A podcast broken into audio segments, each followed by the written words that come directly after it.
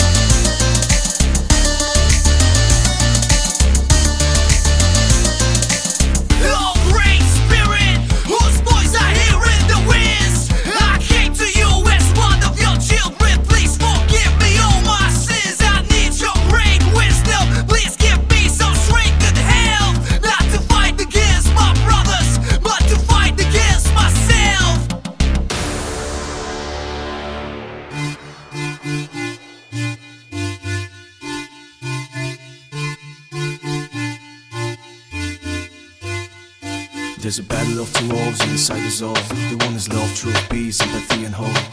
The other's anger, lies, jealousy, and greed. The one that wins is the one you feed.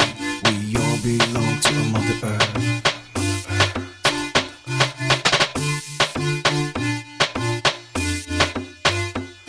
There's a battle of two wolves inside us all. The one is love, truth, peace, empathy, and hope.